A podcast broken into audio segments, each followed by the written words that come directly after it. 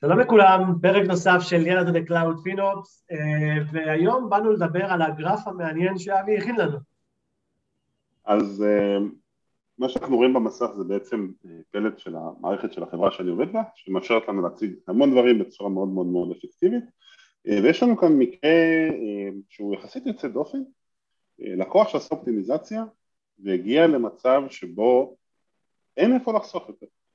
כלומר הרמת אופטימיזציה היא ברמה של 97 או 98 אחוז, כלומר כמעט ואין טעם להשקיע עוד באופטימיזציה, רואים את הירידה החדה בעלויות ובאמת כאילו חיסכון מטורף אה, ועכשיו נשאלת השאלה דביר, מה עושים? מה, מה התפקיד של הפינופס ביום שאחרי?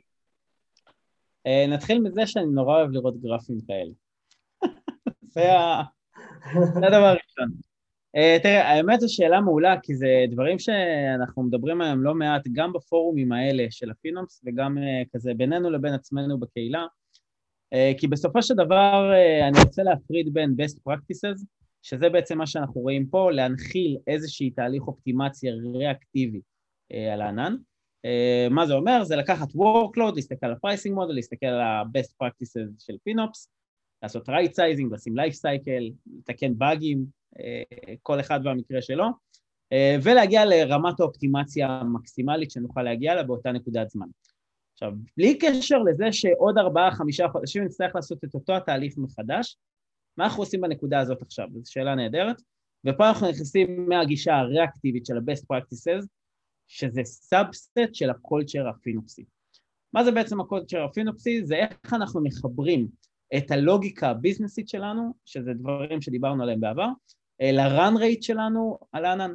אה, איך אנחנו מנהלים את הסביבה האופטימלית שלנו ביחס לביזנס, ואיך אנחנו מנטרים בין זה שהביזנס שלנו גדל, ואנחנו מאוד מאוד מקווים כי הוא בוודאות יגדל כמובן, לבין הוצאות הענן שלנו שגדלות. איך אנחנו מתייגים אינסידנטים למול גרוף, ואיך אנחנו יודעים שאנחנו נשארים במצב אופטימלי. אה, דיברנו על איך להנחיל business KPI על הסביבה שלנו, זה אומר ש-once סיימנו עם ה-best practices, עם ה subset הזה של עולם ה FinOps, פה נכנס עולם ה-culture, אה, בניית ארכיטקטורה נכונה, ריוויואים של אג'נדות לפני שעושים provisioning לתוך הענן, אה, כל מה שקשור ל-governance, כל מה שקשור לשיתוף אה, פעולה אסטרטגי בין המחלקות בתוך החברה, המחלקות השונות, הטכנולוגיות, בין אם זה provisioning וה monitoring, ליצירת ה-governance הזה בענן והוויזיביליות על ה cost, והחיבור הביזנסי לתוך ה cost שלנו אה, בענן. אה, זה בעצם המהות של ה culture הפינופסי, שנותן לנו גישה פרואקטיבית ולא ריאקטיבית על הפעילויות שלנו. אז אה, מה עושים מפה? מפה אנחנו רק יכולים לפתח את ה-education בארגון, לעבוד נכון, להכיל את ה business KPI הפיננסי, לתייג קפיצות שלא מתחברות עם ה business KPI הפיננסי שלנו, ולעשות את אותו תהליך review עוד ארבעה חודשים, חמישה חודשים, ולבדוק מה השתנה, האם הטכנולוגיה השתנתה, האם אנחנו יכולים להחליף אותה למשהו זול יותר ויעיל יותר. כמובן שכל הזמן הדברים משתנים, אז לא צריך להישאר סטטיים גם בפתרונות הטכנולוגיים שאנחנו בוחרים בהם. אנחנו האמת שדיברנו על זה קצת, דביר, אני תמיד נותן את הדוגמה שלי בעבר של, של DBA, בסדר? ב-DBA קוראים לך לרוב כשיש בעיה בשאילתה, אז הנה, פתרת את השאילתה, אז מה, זהו, נגמר העבודה? לא, יש הרבה מאוד דברים ש, שאפשר לעשות ברמת פרמטרים, בדבר של, ארכיטקטורה, של באתי להגיד ארכיטקטורה, ברמה של סכמה, אה, איך נראים הדברים. אז אה, אני חושב ש, ש, שזו הנקודה ש, שהיא חשובה לזכור בפרק הזה, זה לא רק לבוא, וכמו ששניכם אמרתם, לבוא ולתקן דברים, לסדר דברים קטנים, אלא המהלך הבא שזה, אגב, זה מאוד חשוב, בסדר? פה אה, הלקוח חסך הרבה מאוד כסף, זה לא, לא נזלזל בזה, אבל המהלך הבא זה באמת, כמו שאמרת, דביר, להסתכל על, ה, על הדברים בצורה קצת יותר אה, אה, ארגונית, של, של ארגון, של חברה, שרוצה לבוא ולהנחיל את, ה, את התרבות הפינופסיס הזאת בצורה אה, יותר מעמיקה, נקרא לזה.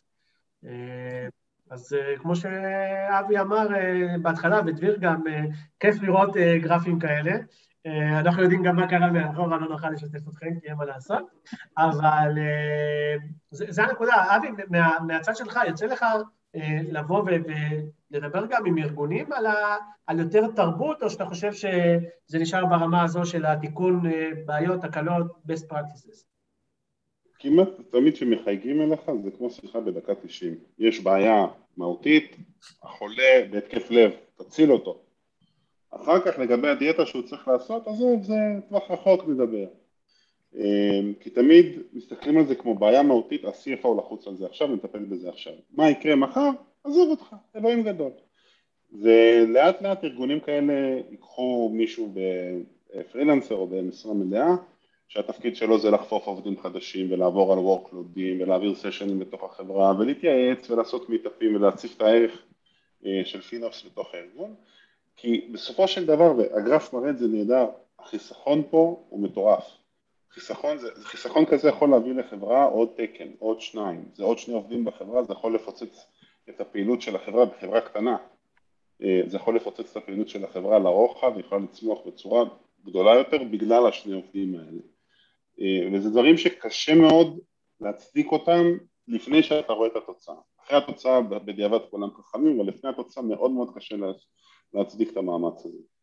Okay, אז אני ככה שמח ככה להכריז גם על ה-Financial Engineering שלנו, דביר, שזה subset אה, או אה, אח של יאללה to the cloud, ששם אנחנו דנים יותר לעומק סביב הנושא הזה, ומזמינים אתכם לצפות גם בפרקים האלו וגם בפרקים האחרים.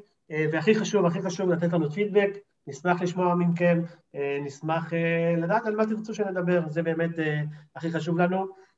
דביר, משהו לסיום או שסיימנו? אני חושב שאבי נגע פה במשהו שלא עשינו מעולם ביאללה to the cloud, וזה להראות דוגמה מוחשית לפוטנציאל העצום של התחום הזה.